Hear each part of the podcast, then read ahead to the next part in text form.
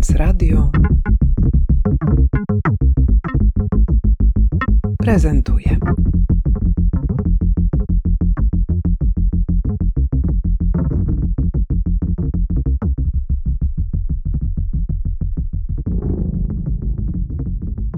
Nazywam się Katarzyna Kajdanek, pracuję jako socjolożka miasta na stanowisku profesorki Uniwersytetu na Uniwersytecie Wrocławskim we Wrocławiu. Jestem autorką książki Powrotnicy Reurbanizacja w perspektywie przebiegu życia. Już sam tytuł jest taki intrygujący. Słowo powrotnicy wymyśliłaś, stworzyłaś po to, żeby jak najlepiej opisać tę grupę, którą, e, którą się zajmujesz? Tak, y, kilka osób mnie pytało o to, czy to słowo powrotnicy jakoś istniało wcześniej w literaturze, a ja zdałam sobie sprawę, że nawet tego nie wygooglowałam tak dla uczciwości po prostu, czy ja aby nie popełniam jakiegoś, jakiegoś plagiatu. Po prostu dałam sobie tyle wolności w pisaniu tej książki, że nawet tego tytułu nie, nie sprawdziłam w internecie. Ale z drugiej strony chyba y, taki spokój y, dawało mi to, że czytając bardzo dużo literatury przedmiotu, kiedy przygotowywałam się do pisania tej książki, nigdy na słowo powrotnicy, powrotniczki nie trafiłam. I y, właśnie zabawne jest to, że kilka osób gratulowało mi odwagi to też chyba więcej mówi o współczesnej akademii niż o mnie i o tej książce. E, to znaczy, że kiedy człowiek e, pisząc coś e, pozwala sobie na wymyślenie słowa, czy użycie określonego słowa na opisanie jakiegoś zjawiska, to jest to traktowane jako akt odwagi. No kto by pomyślał? Janowi wydawało się, że zawsze chciał mieszkać w domu pod miastem. W Warszawie chorował, wiecznie źle się czuł, a chciał uprawiać sport, chciał cieszyć oczy sielskim widokiem za oknem. Poszukiwanie działki rozpoczął w 2008 roku, w okresie boomu cenowego, gdy działki drożały niemal z dnia na dzień, a on coraz bardziej oddalał się od miasta, szukając takiej działki, na którą byłoby go stać. W końcu się udało i nadal pamięta euforię pierwszego podmiejskiego lata spędzonego w ogrodzie z rodziną, w towarzystwie znajomych, chętnie wpadających na grilla. Ale potem przyszła jesień. Drogą płynęło błoto, sąsiad palił w piecu plastikiem, a Jan znów poczuł się gorzej. Pisałem listy, maile do burmistrza w sprawie smogu, na co odpowiedział mi, że oni robią bardzo dużo, że to miasto truje. Moim zdaniem, mówi Jan, władzom po prostu nie zależy na rozwiązaniu tego problemu. Każda władza, która wyda wojnę palącym śmieciami i złej jakości opałem, przegra w Polsce kolejne wybory. A ja potem idę do sklepu i jestem jedyną osobą, która nie kupuje na śniadanie alkoholu i papierosów. Jest jeden kiosk, ale nie kupię tam gazety. Nie sprowadzają gazet. I ja się zastanawiam, co ja tu robię? Przecież to nie jest mój świat.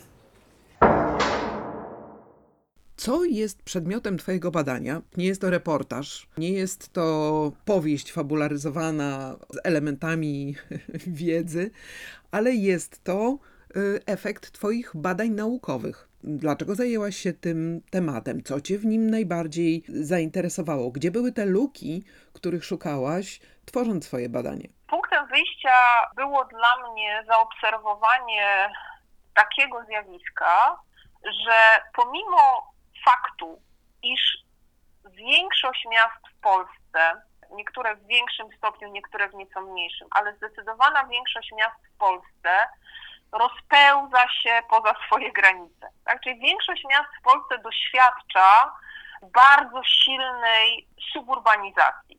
Widzimy to, to jest element e, doświadczenia każdego i każdej z nas, jeżeli próbujemy wyjechać z większych bądź średnich miast, w których mieszkamy.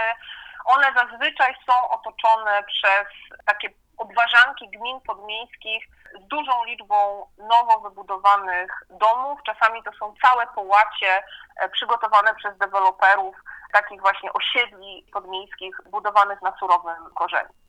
I pomimo tego, że większość miast w Polsce podlega tak silnym procesom suburbanizacji, zauważyłam, że są takie niewielkie przestrzenie w miastach. One się zazwyczaj ograniczają e, do dzielnic czy osiedli. Tutaj, w zależności od tego, jak zorganizowany jest system administracyjny w miastach, ale są takie przestrzenie w miastach, osiedla lub dzielnice, które wcale nie tracą mieszkańców. Wręcz przeciwnie, wydaje się, że one zaczynają, czy już zaczęły jakiś czas temu, rozwijać się, kwitnąć, zarówno pod względem infrastrukturalnym, to znaczy pojawiają się nowe, interesujące, wielofunkcyjne miejsca, kawiarnio, księgarnie, kwiaciarnio, sklepy rowerowe, nowe miejsca, w których można po prostu posiedzieć, popracować, spotkać innych ludzi, a zaraz obok pójść na jakieś warsztaty i na przykład, nie wiem, uszyć sobie bluzkę albo naprawić nerkę, w znaczeniu taką torebeczkę, a nie część ciała, albo właśnie napompować koło w rowerze, zostawić dzieci, które będą się tam mogły bawić, spotkać seniorów, potańczyć. No, mogłabym jeszcze długo y, wymieniać. Pojawiają się fajne miejsca interesujące z y, ofertą gastronomiczną, kulinarną, ale dodatkowo pojawiają się też takie zmiany w twardej infrastrukturze. Na przykład zostaje ograniczona liczba e, miejsc parkingowych, a odzyskana e, w ten sposób przestrzeń jest przeznaczana dla pieszych i dla rowerzystów. Następuje uspokojenie ruchu samochodowego, na przykład poprzez stworzenie ulic wyłącznie jednokierunkowych.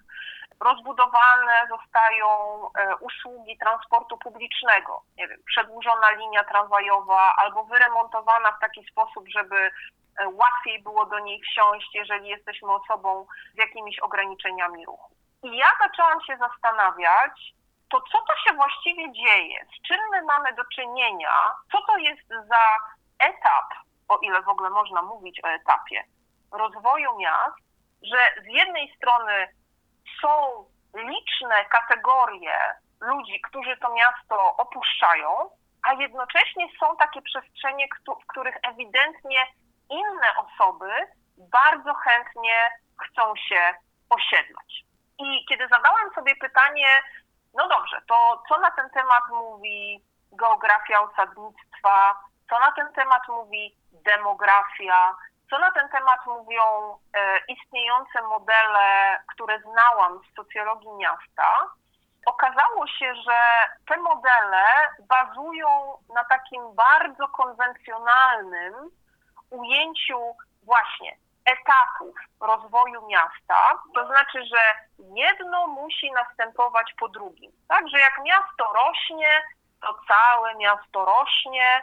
Jeżeli zaczyna się etap suburbanizacji, no to generalnie wszyscy, którzy są w takim momencie, zazwyczaj są to rodziny z dziećmi, to te osoby poszukują większej przestrzeni, większych mieszkań, wyprowadzają się poza miasto. Potem w kolejnym etapie następuje dezurbanizacja, a więc nie tylko miasto, ale i strefa podmiejska na skutek też przemian demograficznych traci mieszkańców i gdzieś dopiero na czwartym etapie, jak już to miasto się skurczyło, strefa podmiejska się skurczyła, to następuje przełamanie i ludzie wtedy zaczynają znów rozważać miasto jako dobre miejsce do życia. No ale przecież widzę to w danych, że taki model, który idzie etapami, który jest bardzo hierarchiczny, to znaczy zakłada, że miasto jest w środku, a wokół niego jest jakaś strefa podmiejska i tylko wobec tych dwóch układów następują te e, przemieszczenia, jeżeli to jest model, który zakłada też taką e, bardzo normatywną wizję ludzkiego życia, tak, to znaczy, że ten model mówi, no tak, najpierw jesteś młodą osobą, jeszcze nie w związku, czy w parze, czy w małżeństwie, czy w jakimś innym układzie, więc żyjesz sobie samotnie w mieście. Potem oczywiście masz taką normatywną rodzinę, żonę, męża, e, dzieci, zazwyczaj w liczbie mnogiej, też pewnie psa, więc się wyprowadzasz na przedmieścia. Potem się starzejesz, więc być może wyprowadzasz się gdzieś do jakiejś takiej przestrzeni, która oferuje ci opiekę, kiedy już jesteś w tym wieku, e, kiedy sam, sama nie możesz tej opieki nad sobą sprawować, dzieci cię tam odwiedzają, jeśli chcą. No a ci wracający do miasta to jest właściwie jakaś taka bohema, artyści, gentryfikatorzy. Właściwie nie do końca wiadomo, kto to jest. No i w ostatnim czasie zaczęły się pojawiać takie analizy empiryczne, które pokazują bardzo wyraźnie, że te stare modele, te modele konwencjonalne, hierarchiczne, cykliczne, że one niezbyt dobrze opisują i niezbyt trafnie opisują to, co się dzieje we współczesnych układach zurbanizowanych, które się nie tylko skomplikowały przestrzennie, to znaczy bardzo się skomplikowały relacje pomiędzy miastem a jego strefą podmiejską, ale też dodatkowo komplikują się relacje, czy stają się bardziej zróżnicowane, relacje na przykład pomiędzy małymi i średnimi miastami, a ich strefami podmiejskimi,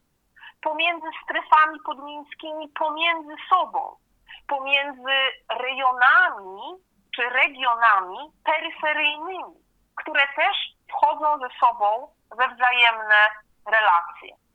W związku z tym nie możemy już się posługiwać takim modelem, który mówi, jest tylko miasto centralne i strefa podmiejska wokół niego, przepływ y, następuje wyłącznie pomiędzy jednym a drugim. Marzysz o tym, żeby napić się kawy, ale takiej, którą ktoś ci zrobi. Na przedmieściach jej nie dostaniesz. Albo żeby ktoś niespodziewanie wpadł do ciebie, ale nie sąsiadka. Chcesz czegoś innego niż jest. Chcesz się wyrwać, ale nie za bardzo możesz. Jest trudniej. Dom, w którym spędza się wiele godzin w oczekiwaniu na powrót partnera z dzieckiem lub dziećmi, bez szans na spontaniczne odwiedziny kogoś znajomego, przygnębiał Agnieszkę i wyzwalał w niej chęć ucieczki. Problem w tym, że z przedmieść trudno uciec, jeśli nie ma się samochodu i prawa jazdy. Można wyjść na zewnątrz i próbować szukać namiastek życia społecznego i przestrzeni publicznych, ale można też, tak jak Agnieszka, codziennie jechać do miasta. Agnieszka nie ma samochodu, do miasta dojeżdżała prywatnym busem z dzieckiem w nosidle, bo jak sama mówi, do busa z wózkiem dla dziecka nie wejdziesz. A co robiła w mieście? Przede wszystkim dużo spacerowałam, ale też robiłam to, co przed zajściem w ciążę. Chodziłam do księgarni, na kawę, do kina z dzieckiem, bo w dużym mieście jest dużo możliwości, żeby spędzać czas. Więc robiłam wszystko to samo, co wcześniej.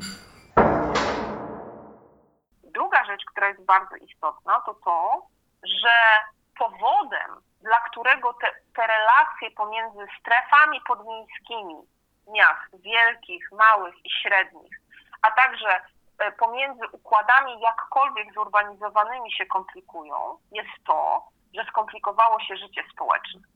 To są efekty tak zwanego drugiego przejścia demograficznego, które się charakteryzuje na przykład takimi zjawiskami jak dłuższe trwanie życia, zwiększony odsetek rozwodu, opóźnianie wchodzenia e, przez młodych ludzi w związki, a także coraz częstsza decyzja o nieformalizowaniu tych związków, również opóźnianie decyzji o posiadaniu potomstwa lub w ogóle rezygnacja z decyzji o e, posiadaniu potomstwa. Te proste zjawiska demograficzne przekładają się na dużo większą różnorodność stylów i sposobów życia. I teraz, skoro mamy różne ścieżki, którymi może podążać ludzkie życie, i te ścieżki mogą się realizować w różnych przestrzeniach czy w różnych typach przestrzeni zurbanizowanej, to jednocześnie ja zrozumiałam, że nie ma sprzeczności pomiędzy tym, że generalnie miasto doświadcza suburbanizacji, bo wciąż istnieje wiele kategorii osób, które chcą się z tego miasta wyprowadzić, ale jednocześnie zupełnie uzasadnione jest to, żeby zadać sobie pytanie: aha, a kim są ci, którzy do miasta wracają? Kim są ci, którzy robią ruch powrotny? Czy to jest właśnie ta bohema, cyganeria i wyłącznie gentryfikatorzy, jak y, chciały myśleć o nich te tradycyjne modele gdzieś tam tworzone 40-50 lat temu, czy może to są inne, inne osoby. Marianna. Marianna nie wie od czego zacząć. Powtarza to kilkukrotnie, raz nawet wtedy, kiedy już długo opowiada o tym, jak z mężem sprzedali dom pod miastem i wyjechali do dużego miasta. Marianna nie wie, czy to, co mówi, jest dla mnie interesujące, czy to jest na pewno to, co chcę usłyszeć. Zdaje się nie widzieć, że ja chłonę każde jej słowo, gdy mówi, że tam, w domu pod miastem, byliby z mężem zupełnie sami. Seniorzy to kategoria powrotników wyjątkowa pod wieloma względami. Jako mieszkańcy przedmieść są właściwie nieobecni w akademickiej refleksji o suburbanizacji.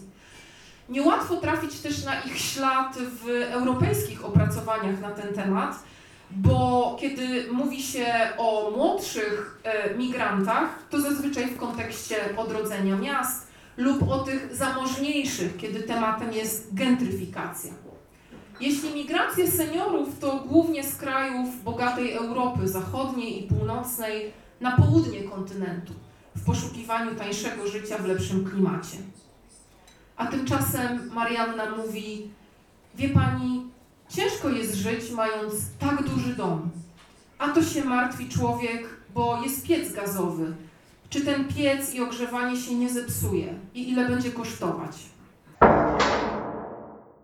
Czego w trakcie swoich badań o tych osobach powracających dowiedziałaś się? Mogłabym powiedzieć, że można o nich mówić w takich dwóch paczkach wiedzy. Jedna paczka wiedzy to jest taka paczka właśnie społeczno-demograficzna, czyli w jakim oni są wieku, na jakim etapie rozwoju gospodarstwa domowego, czy są zamożni, czy mniej zamożni, czyli takie, powiedziałabym, społeczno-demograficzne cechy ich położenia w strukturze społecznej. A druga paczka wiedzy dotyczy wartości, stylów i sposobów życia zorganizowanych wokół, co to znaczy żyć po miejsku, czym jest dla nich miejskość, czy jest ważna i jak jest ważna, co dla nich znaczy, i czym też w tym kontekście było dla nich mieszkanie na przedmieściach, czym był ten podmiejski sposób życia. Jeśli chodzi o tę pierwszą paczkę wiedzy, to te osoby, które znalazły się w moich badaniach, one się ułożyły w takie trzy kategorie. Po pierwsze to są młodzi dorośli, czyli osoby, które nie podjęły samodzielnie decyzji o wyprowadzce na przedmieścia, tę decyzję podjęli za nich ich rodzice. Oni się na tych przedmieściach wychowali, spędzili tam wczesne dzieciństwo, później lata takie wczesnoszkolne, szkolne. Czasami pozostawali na tych przedmieściach do, do późnego wieku nastoletniego. Druga kategoria to są rodziny z dziećmi w wieku szkolnym. Dość niezwykła kategoria, ponieważ w literaturze z innych rejonów świata, głównie w literaturze anglosaskiej, mówi się o tym, że rodziny z dziećmi wyprowadzają się na przedmieścia i trzymają się pazurami tych podmiejskich e, lokalizacji, ponieważ tam są lepsze szkoły i nikomu nie przyjdzie do głowy przerywać kariery edukacyjnej dziecka na przedmieściach. Moi powrotnicy z tej kategorii wiekowej, osoby w gospodarstwach domowych z dziećmi w wieku szkolnym, właśnie czekają na najbardziej odpowiedni moment, żeby tę karierę e, edukacyjną przerwać i wrócić do miasta i trzecią kategorią są osoby starsze, seniorzy, e, ludzie z wieku, w zależności od tego, kiedy przychodzą na emeryturę, 60, 65 plus, czasami nawet 70 plus.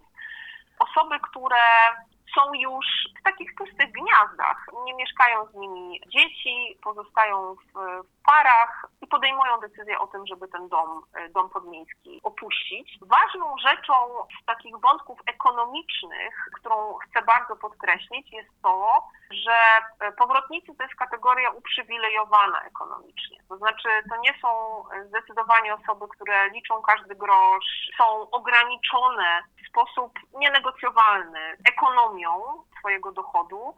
Wręcz przeciwnie, to są osoby, które na tych bardzo trudnych rynkach nieruchomości, na tych bardzo trudnych rynkach ziemi były w stanie przezwyciężyć te ograniczenia, którym bardzo wiele osób y, podlega i bardzo wiele osób nie jest w stanie ich przezwyciężyć, były w stanie albo sprzedać, albo wynająć podmiejski dom, a za pieniądze ze sprzedaży, najmu i wykorzystując inne zasoby ekonomiczne, y, które mają do dyspozycji, były w stanie przenieść się do miasta.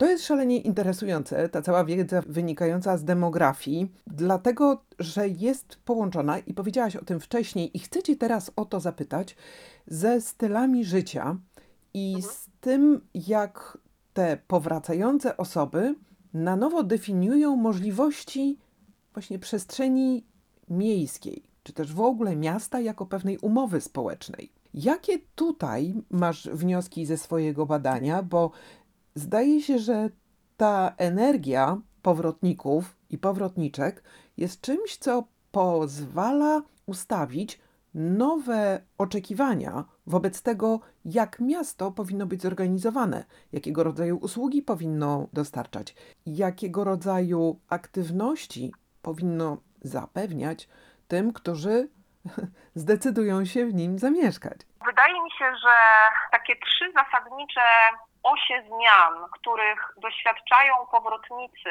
wychodząc z przedmieść i przychodząc do miasta, to są osie, które można by nazwać w taki sposób: od indywidualnego do zbiorowego, od prywatnego do publicznego i od mieć do używać, albo od posiadać do używać.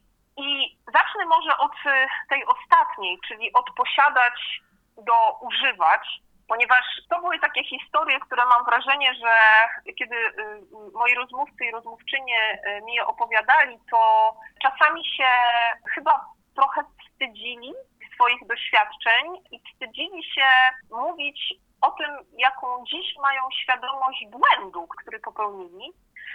I to od posiadać do używać najlepiej było widać w ich przypadku w odniesieniu do korzystania z zieleni, korzystania z ogrodów, korzystania z tej przestrzeni publicznej, e, której największym walorem jest ten walor e, ekologiczny, bliskości zieleni, bliskości starodrzewów. Popularne skojarzenie z zamieszkiwaniem na przedmieściach zamyka się w triadzie cisza, spokój, zieleń. Jest ono podwójnie mylące. Z jednej strony przysłania głównie ekonomiczne powody przeprowadzki na przedmieścia, a ponadto ma niewiele wspólnego z realiami ekologicznej katastrofy polskich przedmieść. Na tę katastrofę składa się zanieczyszczenie powietrza ze spalania paliw, w paleniskach, w silnikach samochodów, zanieczyszczenie hałasem i światłem. Jej dodatkowym składnikiem tej katastrofy jest nieumiejętność i niechęć do łączenia kultury budowlanej z naturą, co wyraża się całkowitym betonowaniem działek budowlanych, wycinkami drzew, obsesyjnym koszeniem, usuwaniem liści, likwidacją bioróżnorodności w ogrodach. Nieekologiczne realia podmiejskiego zamieszkiwania są jednym z najważniejszych argumentów na rzecz powrotu do miasta. Fascynujące. Były te opowieści, w których te osoby mówiły, że myśląc o sobie w domku podmiejskim, wyobrażały sobie, że no właśnie, będą przesiadywać w ogródku, będą patrzeć na e, drzewka owocowe, e, stopą będą miziać dywan trawy, który po prostu, oczywiście sam z siebie, prawda, e, niepielęgnowany, niepodlewany i niekoszony e, trzy razy w tygodniu, wyrośnie pod ich stopami i że będzie to po prostu taka arkadyjska przestrzeń relaksu i wypoczynku. Natomiast bardzo szybko okazało się w ich doświadczeniu, że ten ogród to jest po prostu jakaś nieprawdopodobna ilość pracy, która odbiera im siły oraz e, przyjemność ewentualnego potem wypoczynku, bo są już po prostu tak zmęczeni. I to nie takim sobie tam przycinaniem róż czy układaniem bukietów kwiatowych, ale naprawdę ciężką fizyczną pracą na drabinie związaną z przycinaniem gałęzi, czyszczeniem rynien, no oczywiście koszeniem trawy i tak dalej, i tak dalej, że jest to właściwie praca, która nigdy się nie kończy, a co gorsza, na pewnym etapie albo życia tych osób, albo życia ogrodu, jest to praca o takiej skali, że trzeba zacząć wynajmować specjalne firmy, bądź po prostu płacić innym osobom, żeby tę pracę za nas wykonali. I w kontraście do tego doświadczenia zajmowania się własnym ogrodem i w kontraście do tych y, marzeń i nadziei, które z tym ogrodem były związane, powrotnicy opowiadali mi o swoim doświadczeniu chodzenia do parku w mieście, korzystania z miejsc, które są urządzone przez kogoś innego niż oni, w których mogą doświadczać różnorodności, jakiej nigdy nie zaoferuje podmiejski ogród. Mogą doświadczać kontaktu ze starodrzewem, wielkimi drzewami, które są no, starsze niż przedmieścia, na których mieszkali i które tworzą bardzo wyjątkowy klimat. I też, co ważne, parki, po których można spacerować których nie po prostu siedzisz i patrzysz i ten y, krajobraz jest y, cały czas taki sam, ale zmienia się. Nie tylko zmienia się wraz z tym, jak idziesz i spacerujesz, ale też powielokroć zmienia się, kiedy obracasz głowę w prawo i, i w lewo. Też oczywiście zmienia się w niezwykły sposób razem z porami roku. Więc to jest ta pierwsza oś, taka pomiędzy mieć, posiadać, a używać. Druga, która była dla mnie niezwykle e, też e, interesująca, to była ta oś pomiędzy prywatnym a publicznym. Niezwykłe było zrozumienie, e, które płynęło z tych rozmów, w których ludzie mówili o tym, jak wielką przyjemność daje im korzystanie z usług publicznych, które po prostu w mieście są i są utrzymywane no właśnie dlatego, że skala wielkiego miasta pozwala na ich finansowanie. To może być transport publiczny, ale to mogą być też takie usługi jak usługi opiekuńcze dla dzieci. To mogą być też takie usługi jak różnego rodzaju infrastruktura społeczna, lekarz, przychodnia, ale też y, miejsca, za które owszem płacisz, ale możesz z nich y, korzystać, bo one stanowią część właśnie tej przestrzeni publicznej, w której jesteś. Kawiarnie, biblioteki, inne miejsca o, o funkcjach, które pozwalają y, być innymi. I ta trzecia oś to jest pomiędzy indywidualnym a zbiorowym.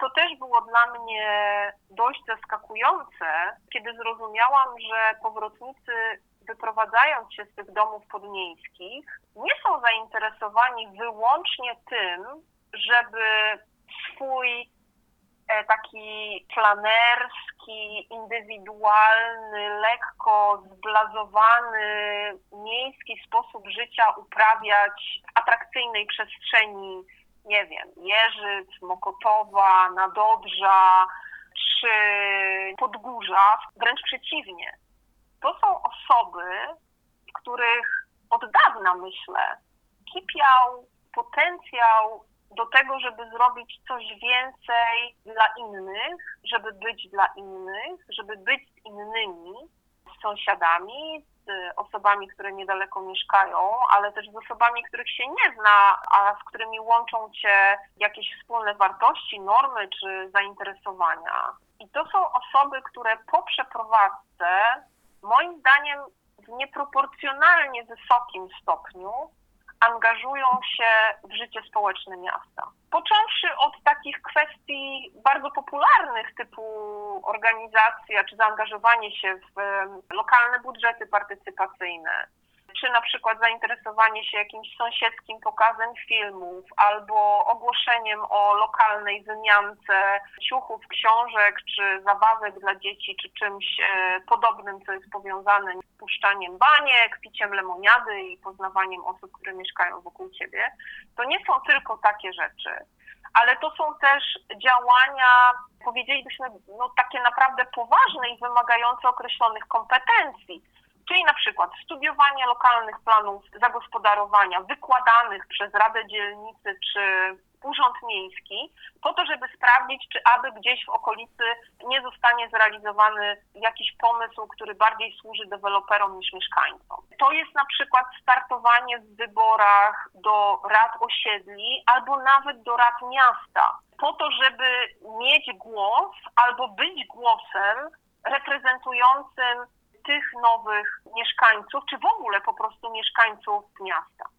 Wydaje mi się, że to odejście od indywidualnego interesu, symbolicznie oznaczonego na przedmieściach domem, ogrodzonym płotem, wokół którego nie ma przestrzeni publicznej, bo najbliższa to już jest droga w zarządzie y, gminy, a właśnie tym fokusem na to, co zbiorowe, na to, co wspólne, właśnie, bo może to nie, powinien, nie powinna być oś indywidualne, zbiorowe, tylko nawet indywidualne, wspólne, ale niech będzie zbiorowe. Na to, co publiczne, co może być razem robione, razem używane, razem zmieniane, to wydaje mi się, że to jest, to jest zupełnie niezwykła transformacja i uważam, że miasta, które nie rozumieją, jak wielkim potencjałem są takie osoby, to są po prostu miasta nieroztropne.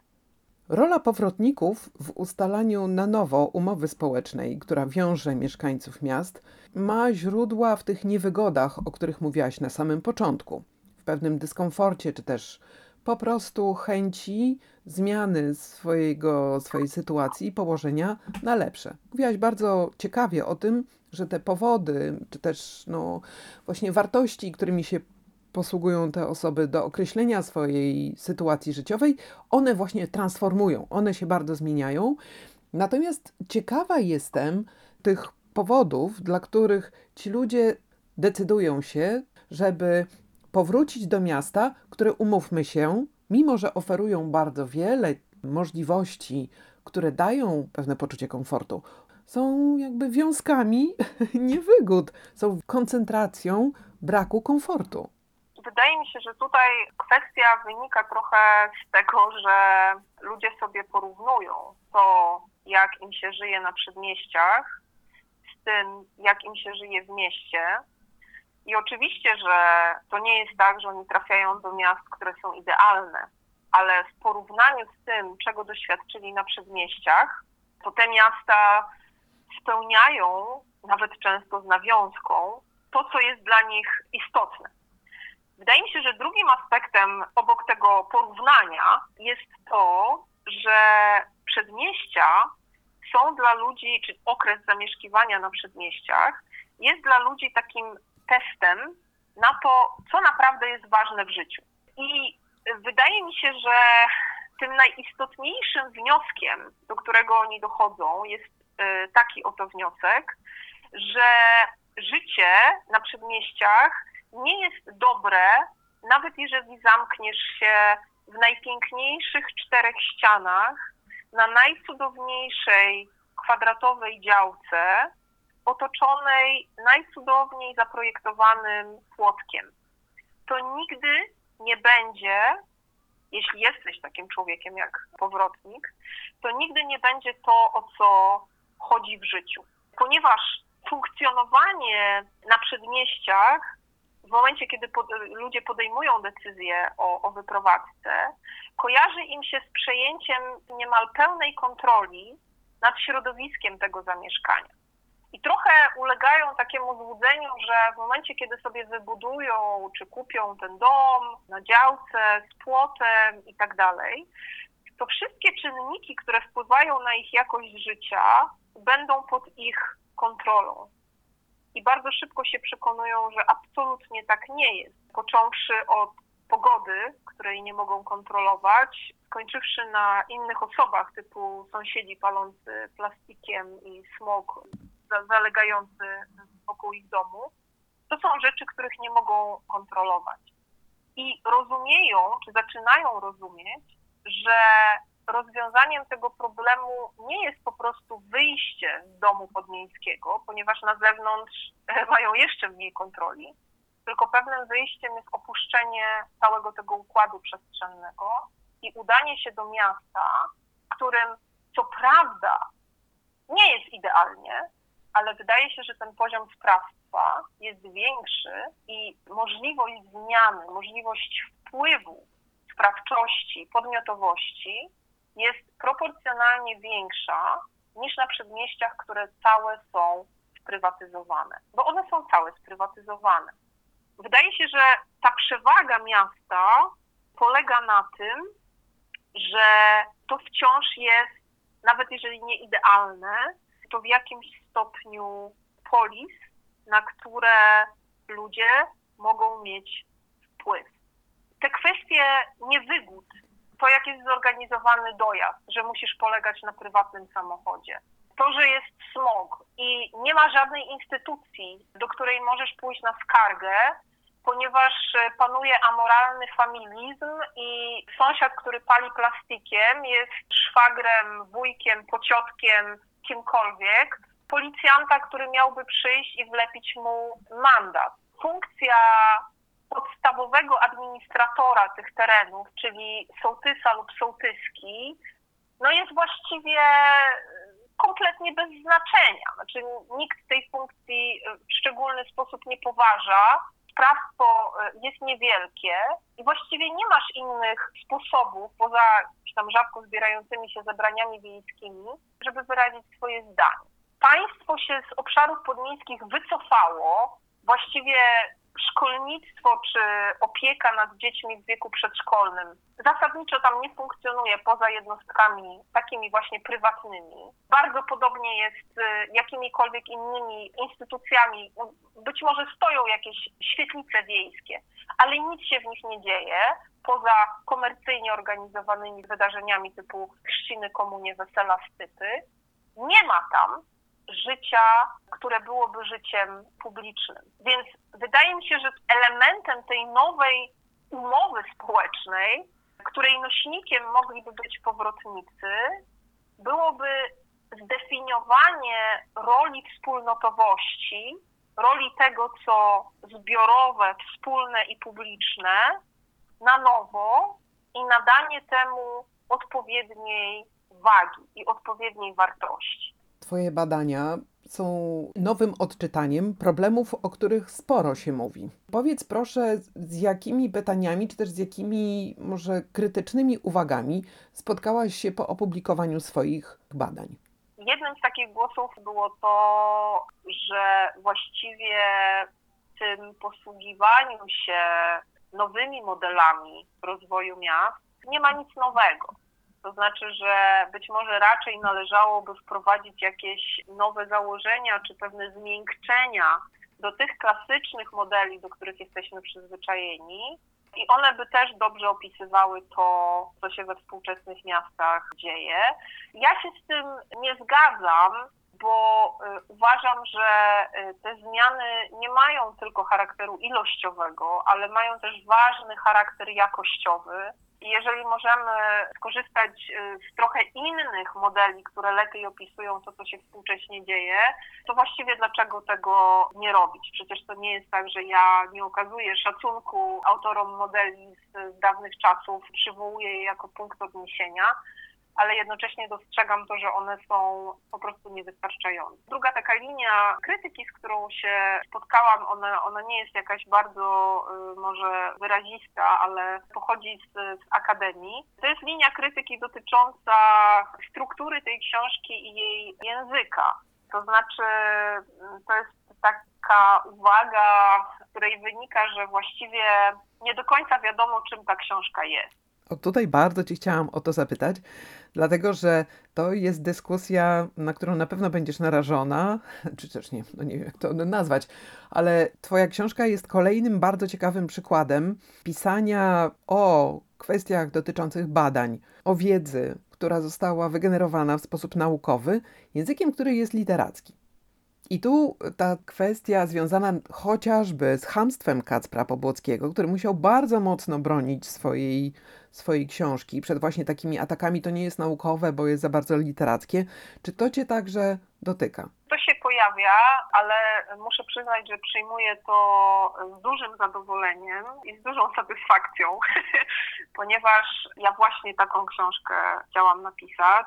Nie chciałam e, książki, która będzie się kurzyć na półkach e, u kilku osób, które uważam za ekspertów w temacie ale chciałam, żeby to była książka czytana, omawiana. Chciałam, żeby to była być może książka, która nie wiem, będzie prowokować, może będzie kogoś zasmucać, może kogoś zdenerwuje, ale jeżeli jednocześnie skłoni do rozważania chociażby tych wątków, o których e, tutaj rozmawiamy i zadzieje się tak właśnie dzięki temu, że jest napisana e, językiem, właśnie tak jak mówisz, momentami literackim, e, ale też ja sięgam jakby do innych form, prawda, bo tam są te obszerne cytaty, czy właściwie takie fragmenty, które wyglądają jak dialog, jak, jak, jak rozmowa z, z moimi z uczestnikami moich, e, moich badań. Są takie momenty, które są może bardziej publicystyczne. Uważam, że to jest istotna funkcja tej pracy, którą wykonujemy jako y, akademicy i akademiczki, żeby nasza praca była sprawna, żeby mogła trafiać do osób spoza akademii. Poznałyśmy się w grudniu ubiegłego roku w czasie konferencji zorganizowanej przez Ambasadę Królestwa Danii i Fundację Olgi Tokarczuk, y, na konferencji poświęconej przyszłości miast, zdrowym miastom. Miałaś tam wystąpienie o takim charakterze performatywnym. Po przeprowadzce zmienia się wiele, prawie wszystko. Czas. Poranny alarm można ustawić na godzinę później, a po pracy wraca się do domu godzinę wcześniej.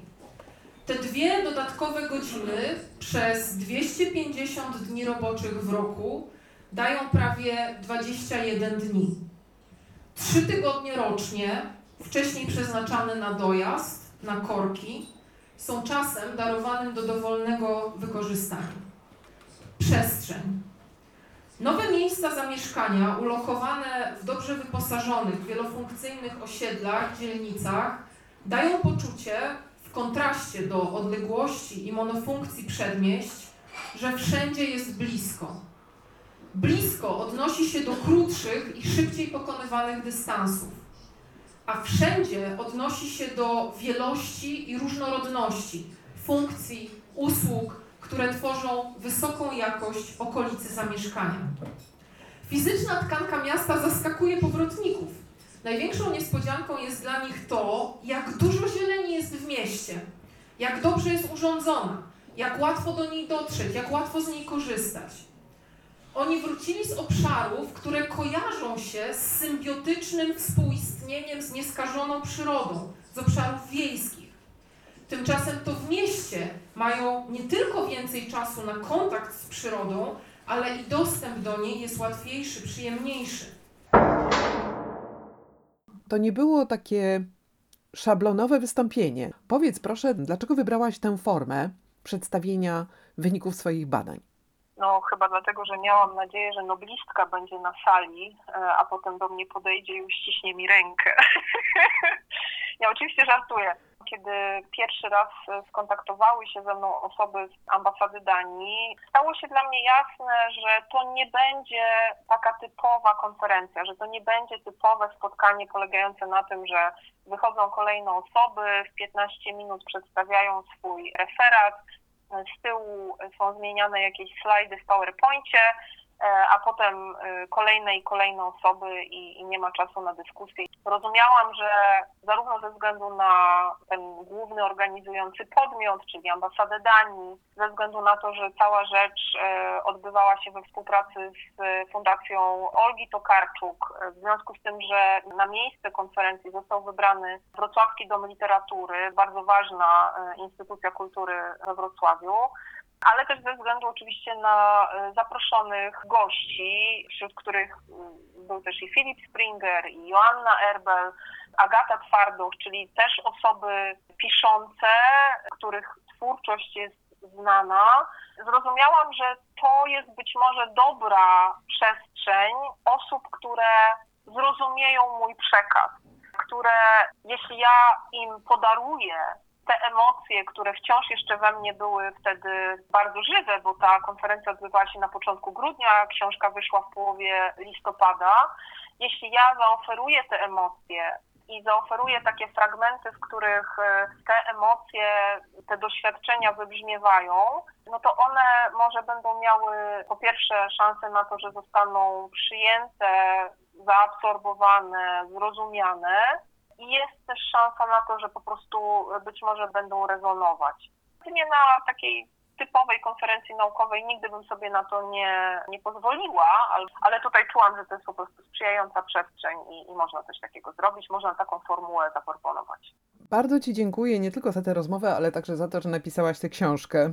Ona wydaje Dziękuję mi się. Wydaje mi się, że jest jedną z ważniejszych książek, które ukazały się w ubiegłym roku, w każdym razie dla tych wszystkich, którzy zajmują się kwestiami miejskimi. Jeśli chodzi o miejsce na półce w księgarni, to my w Bęcu mamy tutaj dla niej miejsce. Bardzo dziękuję za rozmowę. Jednocześnie polecam się do kontaktu. Dość łatwo jest mnie znaleźć w sieci. E, Jeśli ktoś e, z osób e, słuchających naszej rozmowy albo po lekturze chciałby się podzielić swoimi wrażeniami, skomentować jakiejś bardzo bardziej osobistej wiadomości, to serdecznie zapraszam.